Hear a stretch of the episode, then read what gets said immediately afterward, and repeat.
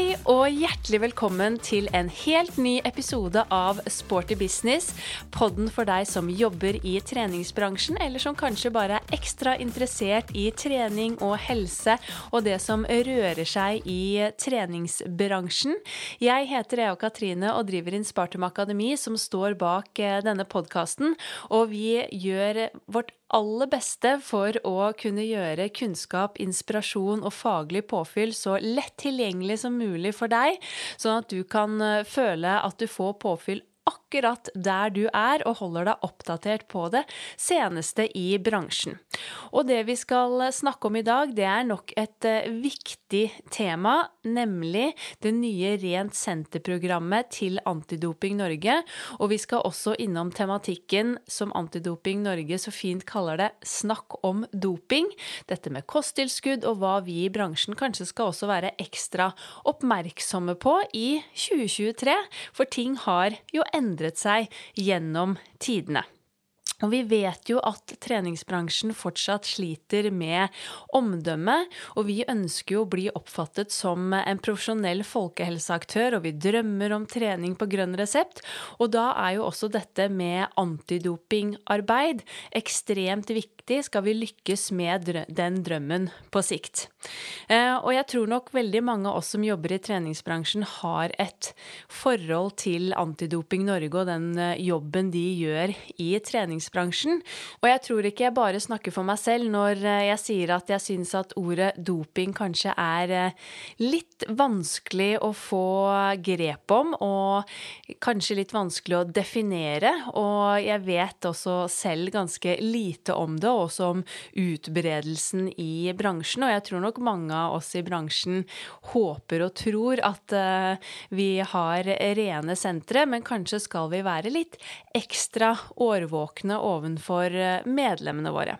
Så i dagens eh, episode så møter du Kristoffer Lie Loftheim fra Antidoping Norge. Han jobber som rådgiver for uh, treningsbransjen og skal gi deg en innføring i det nye Rent senter Senterprogrammet, som er eh, utrolig spennende og viktig, eh, et viktig program for bransjen vår. I tillegg så skal du få litt mer innsikt i nettopp hva doping eh, omhandler. Hvordan man kan oppdage det, hva vi gjør hvis vi er bekymret for noen. Hva som kanskje er ekstra relevant å være obs på i 2023, og ikke minst hvilke tanker han har om eh, bransjen i fremtiden, og hvordan han ser på oss som en folkehelseaktør. Hjertelig velkommen til Sporty business eh, podkast, Kristoffer. Veldig hyggelig å få lov til å være på besøk hos Antidoping Norge i dag. Tusen takk for, uh, for forespørselen. Så dette her gleder jeg meg til. Jeg har jo faktisk vært innom og poddet med Kaja eh, tidligere. Eh, Haugen, som også jobber eh, i Antidoping eh, Norge.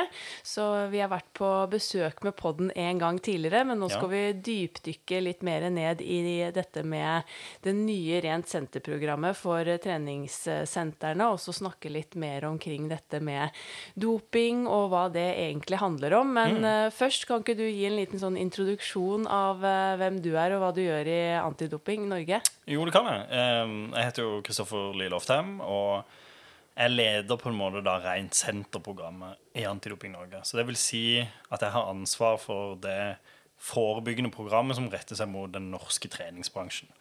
Så Antidoping Norge gjør jo mye forskjellig, og er kanskje mest kjent for å gjennomføre dopingkontroller i idretten. Det er nok sikkert det de aller fleste tenker på når de ser for seg Antidoping Norge. Så tenker jeg, ah, ja, de som tar urinprøver av, av idrettsutøvere. Men man har òg en forebyggende og folkehelseavdeling, og det er det på en måte min stilling er underlagt. Og mm.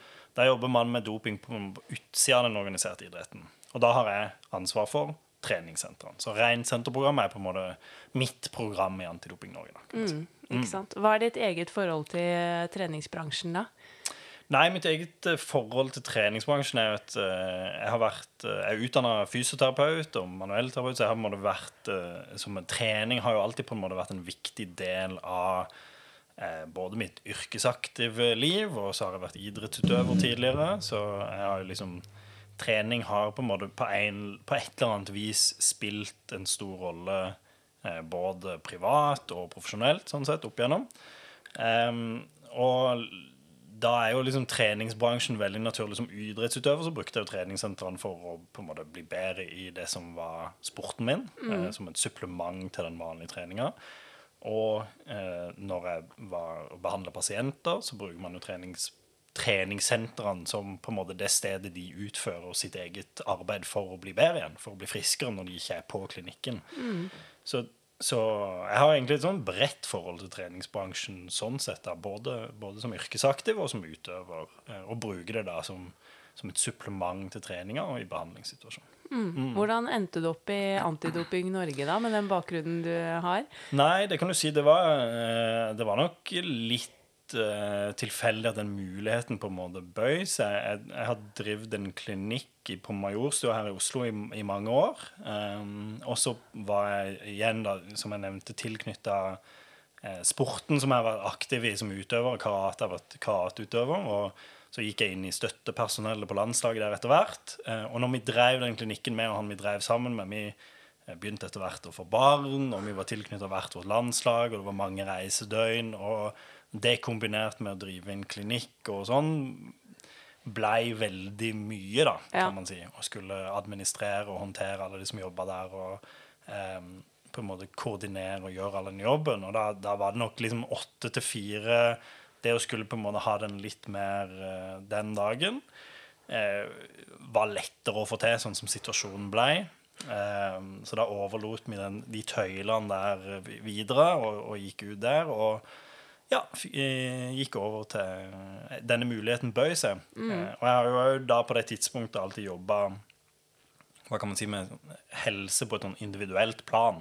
Man behandler pasienten som sitter foran, og Ja. finner ut av hva er det. Men jeg merka etter hvert at jeg ble jo mye mer interessert i de litt større linjene. da, Mer sånn på folkehelseperspektiv. Hvorfor tar folk eh, gode valg, hvorfor tar de dårlige valg? Hva er det som ligger bak dette med kroppspress? Um, I karate det er jo en vektidrett, Ja. eh, så der handler det mye om å eh, kutte vekt for å komme inn i de ulike vektklassene. Så både som eh, støttepersonell på, på landslaget og som utøver sjøl, så har man jo opplevd dette med hva, hvilke krav og hvilke forventninger stilles til hvordan du skal manipulere kan man si, kroppssammensetninger for å passe inn ulike steder. Og det er liksom fascinerende å se hvordan det påvirker noen på én måte og på andre måter. Jeg tror det påvirker alle uansett.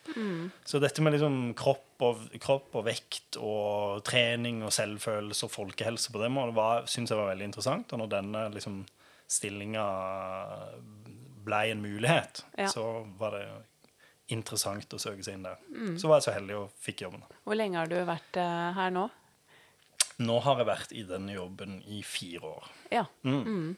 Hvordan ser eh, arbeidshverdagen ut, sånn overordnet? Nei, arbeidshverdagen er jo veldig variert. Altså, den kan jo bestå fra alt å være ute på senteret og snakke med de som driver sentrene, og de som trener på sentrene. Um, til å være i møter med politikere eh, på på Stortinget for å snakke folkehelsesaken og treningssenterbransjen sin sak der, og at de kan bidra inn. Em, til alt å gjennomføre og koordinere dopingkontroller ute på treningssenteret, til å Uh, ja, så det, det er veldig Å spille inn liksom, promomateriell og liksom så, så det er veldig mye variert uh, Varierte oppgaver gjennom en dag, da. Det Ja. kan man si. Så, um, og i og med at jeg på en måte leder det, så er det jo en del administrativ drift og utvikling. altså sånn, Dette med det nye programmet som vi skal snakke litt mer om i dag, på en måte må jo kan man si, kartlegges og finnes på og utvikles og, Ja. og, og sånne type oppgaver. Mm. Hva vil du si er det beste eller mest givende med den jobben du har eh, nå, da?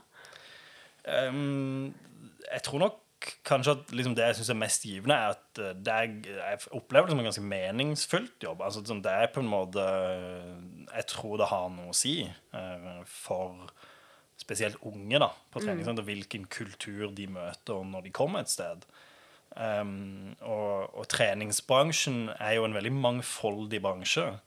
Um, og det vil jeg jo si at eh, den kulturen unge møter når de kommer inn på treningssenteret, er jo omtrent like mangfoldig. Og eh, der er det jo, vil jeg si gjennom mitt uh, arbeid, et uh, forbedringspotensial noen steder uh, for hvilken kultur unge bør bli møtt med. da. Mm, og hvilke, absolutt. kan man si, folk som, som, la, som lar seg under, eller som underviser de unge, tar de imot, inspirerer de. der er det mye forskjellig. Ja. noen er veldig, veldig flinke og veldig opptatt av å gjøre dette på en god måte. Og noen, ikke, noen er ikke så langt foran i skoene, kan man si, eh, når det kommer til det. Og noen eh, jobber veldig annerledes enn jeg hadde kanskje hatt lyst til at de skulle jobbe. Så, um, så der er det Jeg tror at man kan på en måte gjøre en stor forskjell med å løfte og standardisere litt de tingene. Mm, Helt klart. Jeg tror veldig mange som jobber i treningsbransjen i dag, allerede har et forhold til eh, Antidoping Norge. Jeg husker jo selv når jeg begynte å jobbe i bransjen, så ble jeg ganske raskt eh, eh, presentert dette Rent senter-programmet, da selvfølgelig pga. det senteret jeg jobbet på, og tok denne e-læringen osv. Ja. Eh, og i dag så er det over 550 sentre som er en del av eh, Rent senter, men nå har det jo da kommet et helt nytt eh, Rent senter-program. kan du ikke fortelle litt om programmet generelt, og hva som er nytt nå, eh, kontra det tidligere Rent senter-programmet? Jo, um, det, kanskje det viktigste nye nå er jo at før så eksisterte på en måte ikke rent senterprogram eh, som en portal. Altså det var en e-læring du kunne ta, men det var ikke noe sted man kunne logge seg inn for å liksom ha oversikt over alle tilbudene, alle verktøyene, alle ressursene som programmet inneholder. Eh, ofte måtte man lete opp og finne det litt forskjellige steder, og det var kanskje litt vanskelig å få oversikt over hvilke krav man måtte gjøre. Så liksom selv om viljen kanskje var der fra senteret, så var det kanskje noen ganger litt vanskelig å få oversikt over hvor- er det egentlig, hva er det mangler for å få til dette. Ja. Så eh, kongstanken med det nye programmet er at man skal samle alt på ett sted. Eh, Senteren skal få en egen innlogging, sånn at de kan komme inn og enkelt få oversikt over alle som har tatt e-læringer på sitt senter. Lett kunne distribuere kodene til ansatte og medlemmer. Få tilgang til alle ressursene, alle kan man si, eh, de digitale markedsføringsmateriellet, de digitale merkene, alt utstyret all kunnskapen og veiledninga på ett sted. Mm. Kunne melde seg på kurs osv. Så sånn at uh, istedenfor å måtte leite og finne dette og gi opp og ikke gjøre noe, så skal man i hvert fall kunne enkelt finne fram og manøvrere i det. da. ja. Så i tillegg til at det skal bli lettere å få med seg nyheter, få med seg ting som skjer, eh, endringer, nye krav osv. Så videre. Sånn at man eh, liksom kan bruke mindre tid på administrasjon eh, og mer tid på å faktisk drive antidopingarbeid på treningssenteret. Ja. For det er jo det viktigste, tenker jeg. ja, så nå har alt blitt eh, digitalisert. Alt har blitt digitalisert. Eh, ja, ikke sant. Men hvis man eh, da har lyst til å bli sertifisert, eh, sertifisert Rent senter i dag, og ikke er det, Mm. hvordan går man frem? Kan du ikke ta oss litt gjennom gangen i det? Jo. Um, da går man inn på rensenter.no, som da er den, eh, det nye stedet dette alt blir samla. Og så må man i første omgang registrere senteret sitt. Og så er det to steg som uh, er de viktigste. Først så inngår man en avtale om å på en måte bli med i rensenterprogrammet. Da får man tilgang til e-læringer. Men da får man òg tilgang til en rekke krav. Og de må oppfylles før man får lov til å kalle seg et reinsenter. Så det er det vi kaller for sertifiseringsprosessen. Så det er på en måte en avtale, et avtalesteg og en, et sertifiseringssteg. Og når man da har gjennomført alle de, og det har blitt sjekka, så blir man sertifisert. Og da får man tilgang til Da låses på en måte hele portalen opp. Og da får man tilgang til alt av materiell. Man kommer på nettsidene på kartet, sånn at det blir enkelt for medlemmer å søke opp hvilket, hvilket senter som er rent i, nær, altså i sitt eh, lokalmiljø. da. Eh, og man blir inkludert og innlemma i alle kampanjer og ja, egentlig får tilgang til alt. da. Så mm, da handler jo ste disse stegene i hovedsak om å eh, innføre det sånn at medlemmene er klar over at det er et antidopingprogram på treningssenteret. Altså man må henge opp synlighetsmerker, man må innføre det i medlemskontrakten. Eh, man må søke Datatilsynet om eh, det å kunne behandle særlig sensitive opplysninger. Så det er liksom noen steg og noen ting som må kontrolleres. Man må bl.a. òg skrive under på en erklæring om at de kosttilskuddene man selger på senteret, eh, så langt man vet, er frie for doping. Og Ja. Der skal man òg innhente um, erklæringer fra leverandørene. Så Mm. da man kontrollsjekker litt av de tingene som man har på senteret, for å redusere risikoen så mye som mulig. da. Er det noe dere kommer ut fysisk og kontrollerer også, er det, eller gjøres alt dette, kall det, digitalt Eh. i sertifiseringsprosessen? Nei, Fordelen er at vi har muligheten til å gjøre begge deler. Altså, Ja. Det beste er jo, og, det vi prøver på, er jo å, å komme ut fysisk og besøke. Eh, det er jo selvfølgelig ressurskrevende, og i Norge så er det et stort land. Så, Ja. så det å kunne besøke alle 550 sentrene så ofte som vi vil fysisk, det, det er ikke mulig for oss. Eh, men nå har vi jo muligheten til å gjøre det digitalt da, via eh, Teams, f.eks.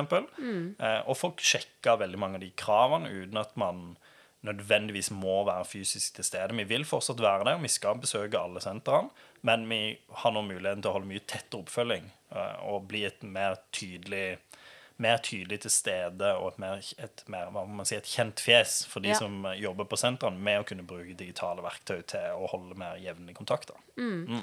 Men når man har blitt eh, sertifisert rent senter da første gang, er man det da for alltid? Eller hvordan er prosessen videre? Nei, man er det i tre år.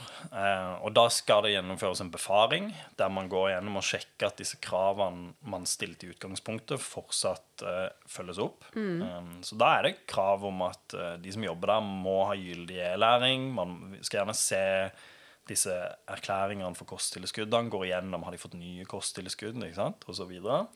Eh, sjekke at merkene som henger på dørene, er oppdatert med rett dato, at de faktisk viser ut til sine medlemmer at her er det hos oss har vi tatt dette standpunktet. Og da har vi en sjekkliste som vi går gjennom, og en handlingsplan som vi lager hvis, de, hvis ikke alt er på plass. Da. Ja. Og da, får man, da blir man resertifisert for tre nye år. Eh, og så i løpet av den perioden så skal man sertifiseres på nytt. Så det løper på en måte på tre års intervaller, dette. Mm, jeg skjønner. Hva vil du si er de store fordelene med å velge å bli sertifisert rent senter? Jeg tror det er mange fordeler. Eh, Jeg tror kanskje de viktigste fordelene handler om at man tar det å drive på en helsearena på, litt på alvor. Da. Jeg syns at eh, hvis man skal kalle seg en folkehelseaktør, så er det nesten så, så er det veldig rart å gjøre det, men samtidig si at hos oss så eh, doping det får være opp til hver enkelt som trener her. Altså, Ja. Noen standpunkter må man ta for ikke å komme liksom, i konflikt med det man ønsker å være. Og jeg tror at det å jobbe verdibasert og det å på en måte få et bevisst forhold til å bygge en kultur på et senter, det skaper mye, det skaper mye fordeler bl.a. med arbeidsmiljøet. Eh, Det skaper åpenbare forskjeller med at man beskytter de som trener på senteret fra eh, helsefarlige miljøer og konsekvenser. Um, og så er det Jeg tror det er eh, åpenbart at det er noen økonomiske fordeler med å tydelig signalisere ut at her har vi tatt et valg. Her er fokuset vårt på helse. Du kan komme som du vil. Det er ikke liksom et underliggende krav at du skal se ut på en eller annen måte. Det er ikke det som er driven for å være på vårt treningssenter. Um, og hvis man signaliserer det ut, så vet man at i, at i befolkninga så er det et ønske at det skal være fokus på helse på treningssenter, ikke på utseende. Og er man tydelig på det, så tror jeg du tiltrekker deg veldig mange av de som ikke tør å gå på treningssenteret nå, pga. at de har en misoppfatning av hva et treningssenter egentlig er. Så hvis man ikke tar et standpunkt mot doping og mot kroppspress og mot det utseendefokuset, så skremmer du vekk litt kunder, tror jeg. Hvis det er litt sånn tvetydig for dem. Er det egentlig Må jeg se ut på en måte her for å i det hele tatt trene på dette treningssenteret? Så jeg tror det, det ligger et ubrukt potensial der i å em, tiltrekke seg de som ikke egentlig tør å gå på treningssenter, fordi de, de tror at miljøet er på en viss måte. Ja, der er du inne på dette med omdømme, for vi sliter jo fortsatt med omdømmet av bransjen vår. Vi som jobber i bransjen, vi syns den er tipp topp, men vi ser jo det at eh, de som ikke trener på et treningssenter, eh, har et annet syn på bransjen vår enn det vi kanskje ønsker å tro. Så hvor viktig vil du si at nettopp dette er for om- omdømmet vårt? Jeg tror det er helt sentralt. Altså, nesten alle vil jo preges av hva skal man si, det, det leddet som ikke tar det seriøst nok. Mm. et treningssenterbransjen de trekkes alle under én kam av de som ikke gjør denne jobben. Så jeg tror at hvis man skal løfte bransjen som helhet, så må man løfte alle. Mm. fordi alle preges av det uansett. Så omdømmet rives ned veldig mye raskere enn det bygges opp. Ja. Eh, og da er alle nødt til å på en måte gjøre en jobb på det, og i hvert fall være veldig tydelig på eh, hvem som gjør det, og hvem som ikke gjør det, og at man, la, at man distanserer seg fra visse ting for å vise at i alle bransjer vil det kanskje være noen useriøse aktører. Eh, Men det er viktig at ikke de får lov til å prege hele bransjen. Eh, og det har det vel kanskje liksom historisk sett så har treningsbransjen ikke vært kanskje så gode til, til å tydelig distansere seg fra noen ting. Fordi man har sagt at kropp er ikke så viktig, men så har man kanskje signalisert andre ting litt mer sånn ubevisst. på en Ja. måte, eller Det har likevel blitt brukt mye i markedsføring osv. Og, så og da er det litt vanskelig å si ja, jeg hører du sier én ting, men du gjør noe annet. Ja, ja. Eh, og der opplever jeg at det nå er i ferd med å skje et virkelig skille. Eh, og det er kjempepositivt å se. Og treningsbransjen har fantastisk mye ordentlig seriøse, bra aktører. Og jeg mener at bransjen må bli liksom enda bedre på å løfte de fram som på en måte bjellesauene som skal lede dette videre. Ja. Eh, og det er de i ferd med å gjøre. Eh, og det, da tror jeg liksom omdømmet kommer til å få et kjempeløft, og flere kommer til å se at treningssenter er ikke det de trodde det var. Det er, det er mye mer en arena for mange flere enn det kanskje har blitt oppfatta som til nå. da. Ja, Men vet eh, dere noe om hvor viktig f.eks. synligheten av at det er et rent senter for medlemmene på et senter, eller gjerne da potensielle mm. medlemmer? Ja, altså vi vet litt. Eh, Vi har gjort noen undersøkelser om dette. Eh, tilbake i 2014 så gjorde vi en undersøkelse der vi brukte et eh, byrå til å teste ut, ringe rundt et representativt utvalg. Og da rapporterte over halvparten av de at det er, et, det er kritisk for de om de skal velge det senteret eller ikke, at det er et dopingfritt miljø på senteret. Ja. Så det betyr at eh, hvis det ikke er det, så vil én av to velge et annet senter. Um, eh, og så er det jo um, det, Man hører jo dette hele tida. Man ser det på statistikken, man ser det på omdømmeundersøkelser. Eh, undersøkelser, at det spiller negativt inn hvis folk tror at det er utseendedrevet motivasjon. Altså Hvis det er sånn at uh, de som står utenfor, tror at de som står på innsida, trener for å forbedre utseendet sitt eller for å se bra ut, så spiller det på en måte uh, dårlig for omdømmet. Uh, og mange svarer at de skulle ønske at fokuset var mer på helse enn det var på kropp. Ja. Så alle de tingene spiller jo inn i dette. Pluss alle anekdoter man hører. At hvis det etablerer seg et miljø på senteret der doping er et åpenbart problem, så skremmer det vekk vanlige Altså, Folk orker ikke trene der, da. Nei. Fordi det tar så mye plass. Det er ubehagelig. eh, Det er liksom åpenbart eh, kanskje ikke den verdien man meldte seg inn på treningssenteret for. da. Så, så liksom det hører vi jo hele tida fra folk som har hatt eh, et problem som har oppstått på treningssenteret. At dette er, det er rent destruktivt for de andre medlemmene. For de, or- de, de slutter pga. det miljøet som er tydelig på sentrene. Ja, ikke sant. Men når man har blitt eh, sertifisert rent senter, da, Mm. har du noen gode tips og råd for hvordan man aktivt bør jobbe på senteret fremover da, for å synliggjøre dette både for medlemmer når, og også ansatte, sånn at det ikke bare blir med det klistremerket på Mm. veggen? For jeg har jo jobbet selv også mange steder, og jeg har som sagt tatt denne e-læringen og jeg har sett det merket på veggen, men så har jeg ikke hørt så veldig mye mer om det Mm. Nei. alltid. Nei. Eh, og jeg tenker det er jo lett eh, noe som kanskje kan skje, at Mm. eh, ja, da får du det klistremerket eller det emblemet på veggen, Ja. og så forsvinner det litt. Ja. Jeg tror det er viktig å, å se på de merkene på veggen som altså, De skal på en måte signalisere hvilken kultur du finner inne på treningssenteret. Men kulturen skapes jo ikke av de merkene. Kulturen skapes av de folkene som jobber der. Så eh, et merke vil alltid bare være et merke hvis ikke de som er inne på treningssenteret, jobber med dette. Ta en hvilken som helst sertifisering hvis man er miljøfyrtårnsertifisert, men ikke avfallssorterer eller gjør noen Så er det jo på en måte bare et merke på Eh, veggen. ja, ja. Så, så um, det er jo opp til hvert enkelt treningssenter å bruke de verktøyene som er tilgjengelige for dem. Det har ikke vi som Antidoping noen mulighet til å gjøre. Det må man gjøre sjøl på senteret. Så det viktigste det handler om de folkene som jobber der, og, og at de må ha et reelt ønske om å jobbe for et eh, dopingfritt miljø, og gjøre tiltak kontinuerlig. Um, mange spør jo kan ikke Antidoping Norge bare komme og holde et foredrag eller ha en prat eller noe sånt. Ja. Men et sånn enkeltstående tiltak vil aldri endre en kultur eller et synspunkt på et treningssenter. Det, det er rett og slett kontinuerlig jobbing. Dette må inn på, på rutiner hos de som driver senteret. Altså det viktigste man kan gjøre på et treningssenter, det er å prate med de som trener der. Altså være til stede på senteret og prate med kanskje spesielt de unge om trening, om kropp, om doping. Altså Man må på en måte tørre å sette det på agendaen. Eh, vi er klar over at mange syns det er ubehagelig å prate om dette, men det er jo litt av ansvaret. Hvis man skal være en folkehelseaktør, så må man tørre å gå inn litt i det vanskelige, litt i det eh, viktige. Mm. og tørre å spørre ikke sant? de som trener på treningssenteret. Åssen går det med treninga? Hva er målene?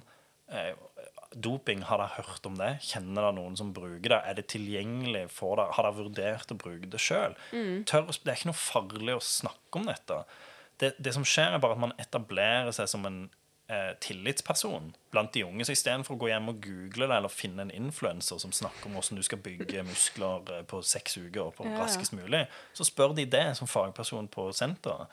Du, jeg har hørt dette, stemmer det? Ikke sant? Så da, det er viktig å etablere relasjoner tror jeg er det viktigste man kan gjøre i antidopingarbeidet. Fordi da, da blir du spurt istedenfor at noen ikke spør det, og googler det hjemme istedenfor. Ja, og jeg vet jo også at ja, gjennom Rent senter, men også dere i Antidoping Norge, er jo også behjelpelig med veiledning der for hvordan gå frem eller få litt eh, Lære litt hva kan man spørre om hvis man syns at det er vanskelig. Og dere har jo også denne dopingkontakten som alle kan ta eller ta kontakt med dere gjennom eh, i forhold til hvis man har ulike spørsmål. Så jeg tenker at det er jo bare også å ta kontakt med dere og spørre om litt veiledning og hjelp hvis man nettopp syns at det er litt vanskelig, da, og hvordan gå frem for å stille disse spørsmålene til medlemmene. Mm, helt klart. Og noe av det vi tilbyr gjennom programmet, er jo gratis samtalekurs. Ikke sant? Sånn at man kan komme og få både teoretisk og praktisk opplæring i hvordan man gjennomfører sånne samtaler. Eh, man kan ringe til oss, kan ringe til meg og snakke om du, jeg har en, eh, en problemstilling jeg skal inn i, hvordan skal jeg best gjøre det? Og så kan vi prate om en spesifikk case, og hvordan man bør tilnærme seg det. Um, og så har vi nå i den nye portalen et samtaleverktøy, der man kan uh, få en guide for hva man bør forberede seg på, en sjekkliste man kan ta med seg inn i samtalen hvis man syns det er litt vanskelig, så man kan lene seg litt på, sånn at man i hvert fall husker å si de viktigste tingene. Ja. Og et rapporteringsverktøy som sier at OK, der man kan utfordre seg sjøl litt på Jeg ønsker å ta så og så mange samtaler. Forebyggende samtaler eller eh, viktige samtaler eller sånn i løpet av en måned. Og så plotte dette, sånn at man kan liksom holde litt score på seg sjøl. At man faktisk gjør disse viktige samtalene. Ja, mm. og det er jo et kjempeverktøy og hjelp fra dere. Og som du nevnte, da, det er jo ikke farlig å snakke om det eller spørre. Men samtidig så tror jeg det er eh, mange som eh, kvier seg for det. Og jeg var jo selv med på eh, deres årlige nasjonale seminar i november med tittelen nettopp 'Snakk om doping'. Ja. Veldig flott seminar, så det skal dere ha skryt for. Men da tenkte jeg også, før jeg deltok på det, at jeg tror det er mange i bransjen Vi kjenner jo som sagt til Antidoping Norge, og vi vet man har hørt om doping, men samtidig så tror jeg det er mange som kanskje ikke helt vet hva som faller inn under ordet doping, eller at man eh, sånn instinktivt tenker på liksom Kanskje sånn litt fordomsfullt, men de største gutta med de største musklene som dropper eh, vektene i gulvet, og at det kun ja. handler om anabole steroider. Um, eh, men på dette nasjonale seminaret så syns jeg jo dere beskrev og belyste denne problematikken rundt doping på en veldig god eh, måte, under da tittelen 'Snakk om doping'. Men kan ikke du fortelle litt om hva vi egentlig legger i ordet doping? Jo, eh, det er jo en, eh, det er et godt spørsmål, og, og, eh, og der- finnes det jo definisjoner, og så har man liksom idretten og samfunnet som man må skille litt på. Så doping er jo, ble jo først og fremst på en måte satt som en definisjon, problemstilling i idretten, og så har man sett at samfunnet på en måte har kommet mer til etter hvert. Og doping i idretten handler jo egentlig om inntak av ulovlige stoffer som skal øke prestasjonen. Um, og det er liksom et par kriterier som skal til i idretten for at noe kalles doping. Det er enten at det øker prestasjonen, at det er helseskadelig for utøveren som tar det, eller at det skader idrettsens anseelse. Ja. Så det handler noe om at eh, hva som på en måte oppleves som rett og galt, da, sånn på, på et mer overordna aspekt. Um, men da handler det jo mye om prestasjon. Hvis man går i samfunnet, så, så handler jo dette nok vel så mye om utseende og på en måte hvordan man fremstiller, hvordan man blir oppfatta av andre. da, Og, og sånn mer em, kroppslige kan man si, trender og et ønske om å endre på utseendet sitt. Så etter hvert så har på en måte dette med performance enhancing uh, drugs har på en måte blitt image and performance enhancing drugs. Altså det handler noe om at dette òg nå omfatter mer utseendemotivert um, Ja. inntak av stoffer. Og dette er jo, Doping er jo ulovlig. eh, altså Både å innføre og selge og omsette osv. Det har det vært eh, lenge. eh, Og så er det òg ulovlig å bruke det. Så det reguleres av, av straffeloven og av legemiddelloven, sånn på det juridiske nivået. Så, um, og, og det handler om at man har sett at konsekvensene av doping ikke bare rammer den som sjøl bruker det. Eh, Fordi ofte et argument man hører, er at man får lov til å gjøre hva man vil med sin egen kropp. Ja. Um, og det er jo et greit for så vidt argument. Man kan se logikken i det. Altså Det kan være helseskadelig for deg sjøl, men ikke for andre. Men problemet er at man har sett at det er sterke korrelasjoner mellom aggresjon og vold. Eh, mellom dette man kaller for at det rammer uskyldig tredjepart eh, når man bruker det.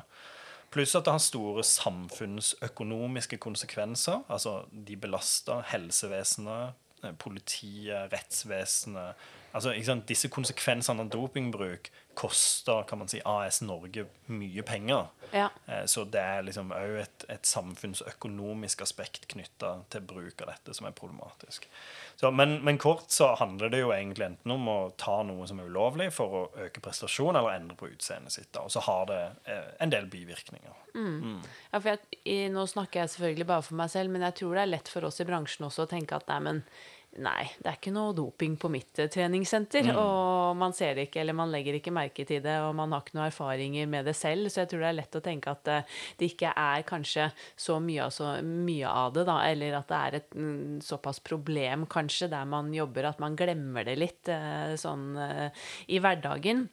Eh, Men hva er det dere ser som er de største liksom, utfordringene blant unge, f.eks. Eh, i dag på treningssenteret eller i treningsbransjen, eller om det er mange som mm, dere ser benytter seg av prestasjonsfremmende midler? Ja. Godt spørsmål er jo igjen et vanskelig spørsmål å stille eller å svare på. fordi at eh, det å, å få gode prevalenstall, eller god statistikk på hvor mange som bruker doping, det er en vanskelig øvelse. Em, for folk, rett og slett, Det er såpass tabubelagt, og folk er ikke åpne om eget bruk. Selv på, på uh, Hvis man spør og prøver å innhente data, så ser man at når man ting blir anonymisert, og andre, så, så er kanskje mørketallene mer til stede enn det statistikken plukker opp. da. um, og uh, så det som jeg nok tror at er den største utfordringa nå, er, kan ikke nødvendigvis at det er så mange flere unge som bruker akkurat nå, men jeg tror de unge som skal inn på treningssentre nå lever i et helt annet klima enn det de gjorde for bare ti år siden. Da. Altså, um, på dette nasjonale seminaret så får man jo se hvordan på en måte algoritmer Jeg tror de fleste sikkert har fått med seg dette om hvordan algoritmene styrer innhold. Eh, og TikTok, hvis du lager en robot som bare skal på en måte scrolle og like treningsvideoer, mm. så tar det tre til fem timer før man ser oppskrifter på hvordan man bør ta steroider på den beste måten.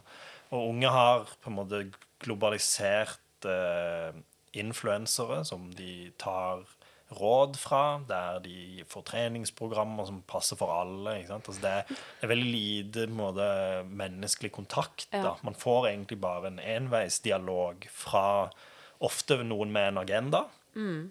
Eh, og så, så, eh, så preges man av dette, og det tror jeg nesten er umulig å å ikke gjøre. Altså, eh, selv alle som jobber, jeg som jobber med det, merker jo at dette her påvirker jo meg òg. Alle tror jeg påvirkes av, av den sterke faktoren som det er sosiale medier og kroppspress kroppsidealet i samfunnet er nå. Og, og de unge i den fasen der man skal finne seg sjøl, man holder på å gå fra å være barn til å bli voksen, på en måte, man er sårbar, og det er kanskje da man er mest på sosiale medier, mest skal finne seg venner osv. Mm. Jeg tror liksom den utfordringa der er mye sterkere, og motivasjon for bruk, altså holdninger og ønske om bruk, ser man jo òg på nasjonale undersøkelser at har økt i det siste. Så ja. det er noen tegn på at dette påvirker. Og man så det jo òg under uh, statistikk fra uh, under koronaperioden med antall spiseforstyrrelser, antall kroppslidelser og sånn. Statistikken har gått gjennom taket. Mm. Når folk mister den menneskelige kontakten, nettverkene vennene sine, og sitter hjemme for seg sjøl, og kanskje enda mer da på sosiale medier. Vi vet jo ikke om det er det som er grunnen, men det er liksom det er en, en, slutning som i hvert fall er viktig å se på. Mm, helt klart. Ja, jeg har sagt mange ganger at jeg er så glad jeg ikke vokser opp i ja. dag. ja, og det tror jeg nok eh, Jeg er enig med deg. Ja. Mm. Men hvilke stoffer eller hva er det man ser eh, unge eventuelt bruker i dag? Eller er det noe som er en type inngangsport mm. til mer eh, alvorlige stoffer? Ja, altså det det er jo mye forskjellig, eh, og litt avhengig av om hvilke mål man har for treninga. Strongest strong is the new skinny har jo på en måte vært en greie lenge. Så man ser at det med oppbyggende stoffer, som tidligere var mer eh, forbeholdt gutter, mm. er, jobber seg mye mer inn på arenaen hos jenter òg nå. ikke sant? Og da har man kanskje spesielt noe som heter Sarmar mm. som er bli markedsført som på en måte anabole steroider uten bivirkninger. Ja. um, og som egentlig er et legemiddel um, som har vært under utprøving. Det har aldri kommet igjennom utprøvingsfasen fordi det har blitt stoppa pga. bivirkninger. Uh, men tanken er at det skulle motvirke muskelsvinn blant pasienter som f.eks. har uh, muskelsvinnsykdom, nevrologiske ja. sykdommer eller kreftbehandling for å unngå å tape muskelmasse. Så Tanken er at det ikke skal påvirke via hormonsystemet, men det skal binde seg direkte til muskelcellene. Så ikke du, man får disse mannlige kjønnshormoneffektene, ja. men man får bare muskelvekst. Um, og, og, det er jo et stoff som da på en måte veldig mange unge er veldig interessert i. fordi da kan man liksom unngå alle disse bivirkningene eh, som er knytta til mer tradisjonell anabole steroider. Og så kan man få muskelveksten uten alle de andre tingene. Ja. Eh, problemet er jo dette er jo ikke lov å selge noe sted. ikke sant? Så det, Man må jo bestille dette gjennom veldig tvilsomme kanaler eh, på internett, så man får en pakke i posten med et eller annet stoff som man ikke vet hva er. Mm. Eh, og ofte når man tester det, for det har man jo gjort, så ser man at det inneholder anabole steroider, eller det inneholder kanskje ingenting. Ja. Eh, og, eh, eller det kan inneholde dobbelt så mye av et virkestoff som du trodde. Så det er umulig med doseringer. Eh, I stort sett så inneholder det bare rett og slett ingenting. Altså, det virker ikke. Uh, og så er det jo knytta masse bivirkninger til det òg. Uh, eh, eller det kan være det. det. det. er jo viktig å si at bivirkninger er jo individuelt, så man kan jo ikke si at ett stoff gir den og den bivirkningen. Men det man har sett, er at de fleste får noen form for bivirkning. Og det, det gjelder jo med sarmer òg, som er grunnen til at de ble trukket fullstendig fra alle disse forsøkene som de egentlig skulle være medisin for. Ja, ikke sant? Men pga. at det blir da markedsført på den måten som et snilt, oppbyggende stoff som ikke er farlig å ta, så ser vi at det er ofte inngangsporten. da. Så kan man ta det som piller istedenfor sprøyter. Det er liksom en, eh, gjør det liksom litt snillere for noen å starte med, osv. Og, så mm.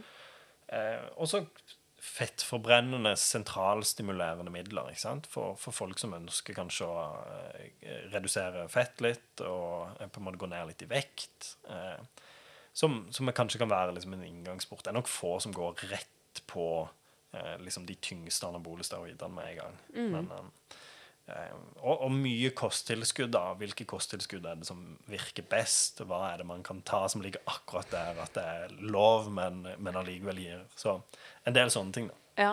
ja. og jeg husker du fortalte Vi reiste jo rundt med, på seminarer med Virkeaktiv helse i mm. fjor, mm. hvor du også da holdt foredrag om dette med antidopingarbeidet i treningsbransjen hvor hun snakket om dette med at eh, hvis man kjøper også mye kosttilskudd fra utlandet f.eks. via mm. internett, så kan man heller ikke være sikker på om det er helt rent. Mm. Eh.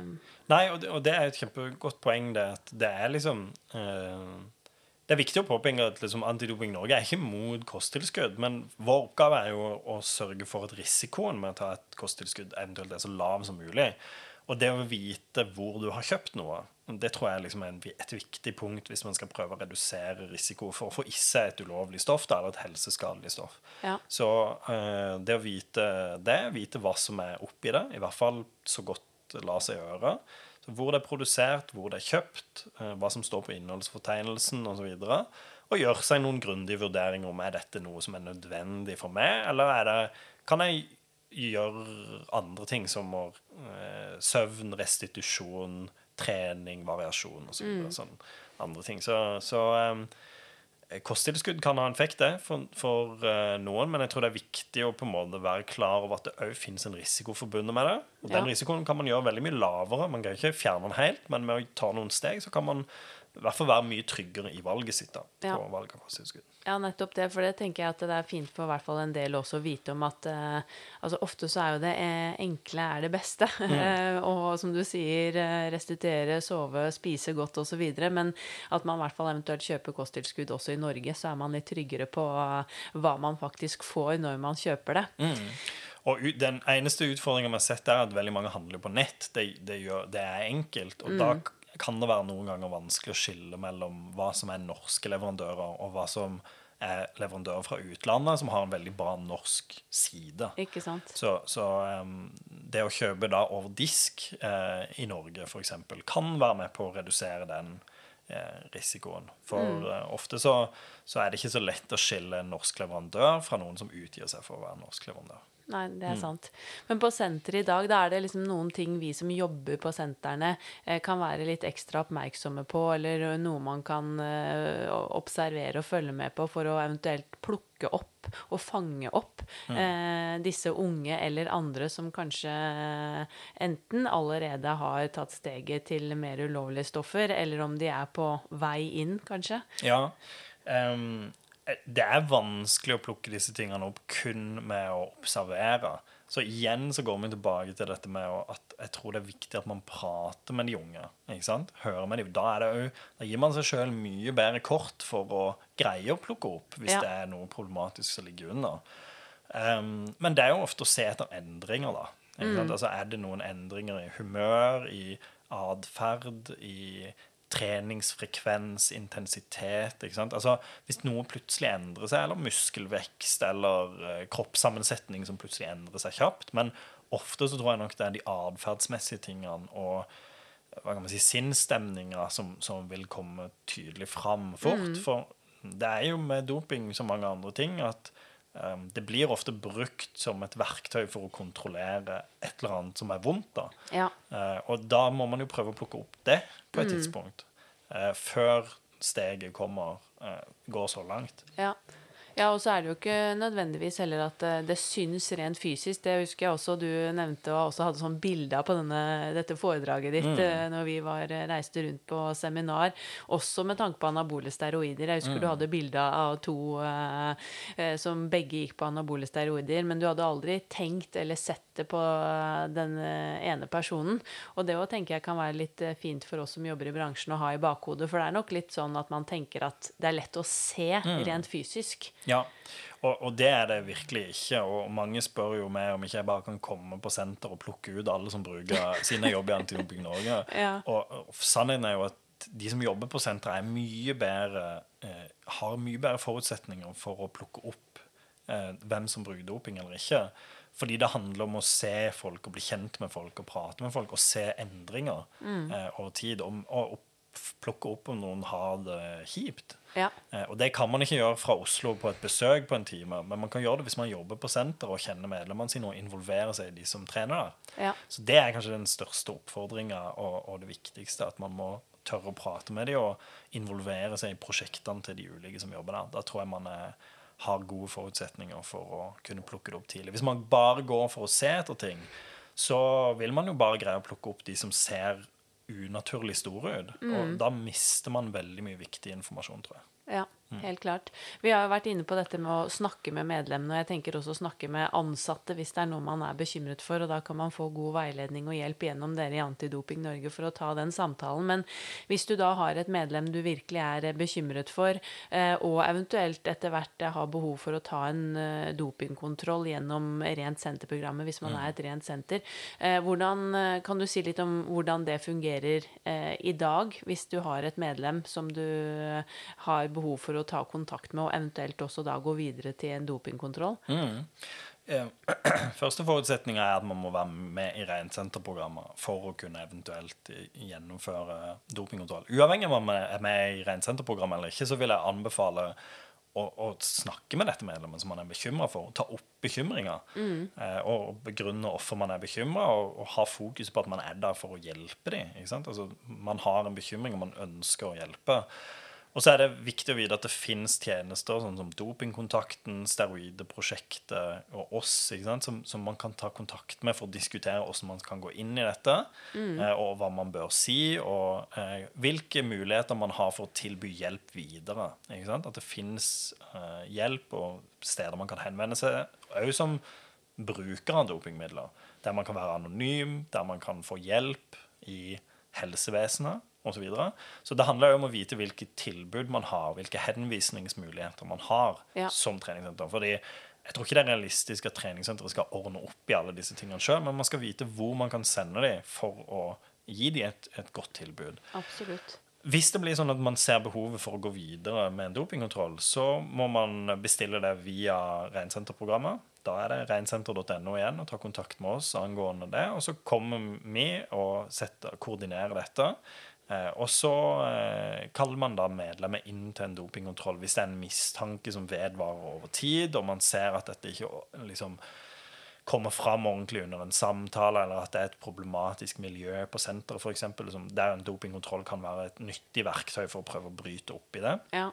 Eh, og da, da, bestiller man det, og så koordineres dette. Da får man dopingkontrollutstyr, og så gjennomfører våre dopingkontrollører den dopingkontrollen eh, digitalt mens medlemmer Eh, sitter i rommet da, sammen mm. med. Mm. Ja. Ja, for det også har jo blitt en enkel måte å kunne gjøre det på. Ja, så nå er det ikke sånn at dopingkontrollørene må fysisk være til stede på senteret. Medlemmet utfører denne prøven på seg sjøl mm. eh, gjennom veiledning fra våre kontrollører, som de sitter og prater med på eh, skjerm. Og så sitter den som er ansvarlig på senteret, bare i rommet og ser at alt går greit for seg. Ja. Så det er våre kontrollører som gjennomfører prøven, og medlemmet gjør det på seg sjøl. Og så er senterleder eller antidopingansvarlig på senteret bare til stede for å se at alt går som det skal. Ja. Mm. Så det er jo en mye mer fleksibel måte å gjøre det på enn at vi måtte sende team med kontrollører som må møte opp et eller annet sted i Norge, og da må man håpe at medlemmer er på senteret samtidig. Så, ja. Ja. så, det har blitt en, en, enklere metode. Er man som medlem da pliktig til å si ja til denne dopingkontrollen, eller hvordan fungerer det? Det er helt frivillig om man vil la seg dopingteste på treningssenteret. Så det er ikke som i idretten at det er obligatorisk testing. Eh, men det er jo på rene senter, så har, man, så har senteret bestemt at hos oss skal det være eh, dopingfritt miljø. Så hvis man da ikke ønsker å la seg teste, så uh, har man jo skrevet under på det i utgangspunktet når man meldte seg inn, at man kan komme til å bli bedt om det.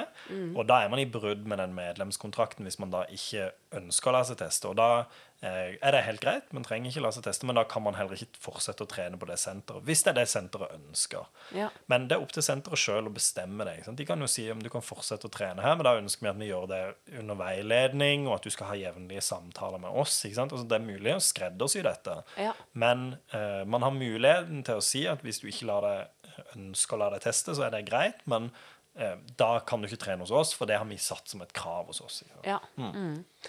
Vi har jo vært inne på dette med omdømmet av bransjen, og som du nevnte, at det har heldigvis eh, skjedd mye, og det skjer eh, mm. mye gode ting i, i bransjen nå. Og det er veldig mange sentre som ønsker å fremstå som profesjonelle folkehelseaktører i dag. Mm. Eh, noe som er utrolig flott, men vi må jo klare etter hvert å virkelig løfte alle også. Men hva er dine tanker sånn generelt om treningsbransjen i dag, og hvordan vi står frem som denne folkehelseaktøren som vi ønsker å være? Ja, Nei, eh, det har, vært, det har jo vært en spennende periode nå, altså på godt og vondt gjennom pandemien. eh, Fordi det har vel kanskje vært den mest krevende perioden for bransjen som helhet. Mm. Men man har òg samtidig sett at eh, det har kommet et skifte, da. Før pandemien så var det ikke så mye fokus på eh, dette med å fremstå som en folkehelseaktør. Men så ser man pandemien liksom opplyste egentlig veldig om at ok, det er egentlig det som ønskes, og det er den veien kanskje fremtida ligger. Eh, og man ser at for å bli tatt seriøst som bransje, og det tror jeg det opplever jeg bransjen virkelig ønsker å jobbe for, så ser man at ok, det er noen ting man har gjort tidligere som man kanskje må endre på for å på en måte få lov til å spille den rollen man ønsker å ta. Ja. Um, og nå, etter, etter på en måte det har lagt seg, så syns jeg jo at dette virkelig har fått blitt tatt tak i. Ikke bare noen få som det var før, men mer som et sånn bransjetiltak generelt. Og det syns jeg er veldig, veldig bra å se. Og jeg tror det er helt åpenbart at det er det som er framtida. Eh, det er ikke å spille på kropp og eh, utseende, men det er å spille på helse og hvordan man kan ta en viktig del av det som er et stort folkehelseproblem, altså inaktivitet og fedme og livsstilssykdommer, der har bransjen et enormt potensial. Potensialet i utseendet, det, det er eh, irrelevant eh, når det kommer til de ordentlige problemene som ligger der. Og gjør du det, og befester du den posisjonen, så har jo treningsbransjen all infrastrukturen, all kunnskapen, alt de, er, de er perfekt posisjonert. Men de må jobbe med åssen de selger den pakka inn. da. Ja. Og det opplever jeg at de gjør nå, og det er kjempepositivt å se. Men det står jo også på deres eh, nettsider, men også hva tenker du som har vært mye rundt på senteret og i eh, ja, bransjen i lang tid? Hvorfor er det så viktig å flytte fokuset fra kropp til helse? For mange argumenterer jo med også at eh, ja, men det er sunt å ha fokus på en sunn, veltrent kropp, og at folk skal kunne se det, f.eks., og at eh, det ikke bør være noe i gåsetegn galt eller negativt med det. Nei, men Der tror jeg det er mulig å ha to tanker i hodet samtidig. At Det er ikke noe galt med en veltrent kropp, men det kan ikke bli sånn at en veltrent kropp er en forutsetning for god helse. For det vet man jo at det ikke er. Ofte er jo at en veldig veltrent kropp er det motsatte av god helse. Og det er kanskje eh, noen ting som man ser har kommet fram. Det har blitt belyst veldig i idretten. ikke sant? Hvordan eh, en del toppidrettsutøvere, som mange vil si har veldig pene kropper, rett og slett eh, ikke har det bra helsemessig pga. av de fysiske forutsetningene. Det er et gammelt ordtak, eller ikke et gammelt ordtak, men det er en sannhet at det er ikke så sunt å være toppidrettsutøver, fordi det er veldig fysisk harde krav til kroppen. Eh, og jeg tror at god helse og åssen man ser ut, de henger ikke sammen. Eh, Det å velge å se bra ut på en måte kan òg være veldig usunt. Så liksom den forvekslinga gjør mange fordi det har på en eller annen måte blitt satt frem som en sånn suksesskriterium. Sunnhet, dette er knytta til et godt utseende. Det er jo historisk. Det går jo tilbake til antikken. Mm. Ikke sant? Men man vet at god helse ikke korrelerer med åssen man ser ut. ikke sant? Og, og idealene skifter veldig. Så man kan ikke fokusere på utseendet og sette det som et likhetstegn med god helse. Gjør Nei. man det, så ekskluderer man jo mm, s- størstedelen av befolkningen. Ja. ja, og ser man på begrepet helse, så rommer jo det også veldig mye mer enn bare det fysiske og hvordan kroppen fungerer. Ja. Og psykisk helse har man jo heldigvis eh, satt veldig mye mer på agendaen. Eh, og jeg tror vel det har kommet ganske godt fram at dette med kroppspress og kroppsfokuset er ikke nødvendigvis veldig bra for den psykiske delen av helsebildet. ikke sant? Så eh, man må greie å finne motivasjon andre steder, tror jeg. Og eh, driven for å trene bør nok ligge Det er helt greit at man har noen utseendemessige på en måte, mål med treninga si òg, men jeg tror kanskje ikke det er bærekraftig å ha det som som hovedpilar. Og som bransje bør man i hvert fall ikke sette det som hovedmålet man fokuserer på. Da må det være andre ting som, eh, som fører an, tenker jeg. Ja, ja, det er akkurat det. For eh, alle som trener på et treningssenter, har jo individuelle mål. Og det er jo helt klart at noen trener pga. utseendet, men mm. hva vi fronter som bransje, Ja. så kan det ikke være det som er i fokus. Og nå er det jo også gledelig at det har kommet mer forskning på området i forhold til dette med bekledning, kroppspress, det å være utsatt for å se f.eks. Eh, ja, disse superveltrente kroppene da, og lite klær over tid. Det er ikke sånn at eh, det den ene gangen du ser det, eh, gjør at du får eh, et negativt selvbilde eller eh, på en måte påvirkes av det kroppspresset. Men det er jo over tid hvor man Mm. blir utsatt for dette, som kan ha en eh, negativ innvirkning på både motivasjon og selvbilde. Og, Mm. ja. Og paradokset med det er jo at man har tidligere liksom tenkt ja, hvis du går på treningssenter, der er det bare veltrente, pene mennesker. Eh, Men jeg tror at hvis du går på et treningssenter nå, så blir du utsatt for mye mer enn normal befolkning enn det du gjør hvis du sitter hjemme på sosiale medier og ikke går på treningssenter. Så jeg tror nå at det på en måte har blitt skifta, at det er egentlig hjemme man ser mest kroppsfokus og mest blir utsatt for mest kroppspress. Mm. Så jeg vil jo anbefale folk å gå på et treningssenter og faktisk kanskje møte vanlige folk som er og trener og har andre motivasjoner for treninga si, enn å sitte hjemme og tenke at alle jobber kun for å få en, liksom, den og den uh, brystmuskelutforminga. For det har blitt så voldsomt på sosiale medier nå. Ja. Så eh, nei, jeg tror faktisk at det har endra seg. Jeg tror kroppspressing kanskje er sterkest hjemme på sosiale medier. Og kommer du på treningssenter, så ser man at ok, her er det en del vanlige folk som trener for å ha det bedre og kunne få til mer ting sjøl. Så, så er- oppfordringa mi er å, å komme ut og gå inn på treningssenter og bli overraska over at der er det faktisk ganske mange folk som trener av helt andre grunner enn det kan virke som på sosiale medier. Ja. Veldig godt sagt, så jeg tror vi skal runde av med de eh, kloke ordene der. Men avslutningsvis så må jeg også spørre deg da, om du har noen tanker om eh, en spennende gjest jeg kunne intervjuet i Sporty Business. Ja, eh, jeg har tenkt litt på det. Og em, nå er det jo blitt annonsert at Mie Line, som har vært bransjedirektør i Virke trening, skal bytte jobb. Eh, og jeg syns jo hun har vært Mm. Eh, må skryte veldig av den jobben hun har gjort for Ja. å på en måte løfte og profesjonalisere bransjen og være med på det, det skiftet som man har sett, da, som man snakka om tidligere. Og da er det jo spennende å se hvem kommer inn i den rollen og skal fylle på en måte det ansvaret som Mieline har dratt i gang.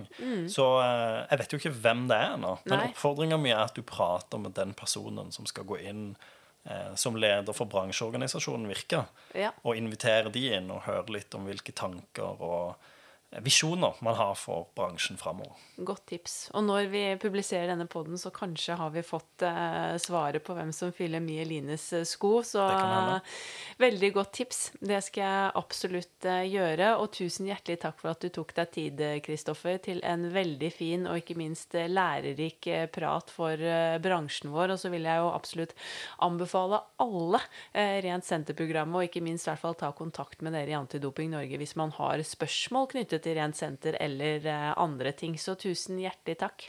Tusen takk for at jeg fikk komme. Nok en gang, tusen takk for at du lyttet til Sporty business. Det setter jeg så enormt stor pris på. Uten deg og alle dere lytterne så hadde ikke denne podden vært mulig, og jeg håper at du virkelig setter pris på det, og kom gjerne med innspill på Instagram at Sporty Business Podcast eller i Facebook-gruppen vår med navnet Sporty Business. Alle innspill tas imot med stor glede, og det er også fullt mulig å bare sende meg en direkte mail til eva-katrine at inspartum.no.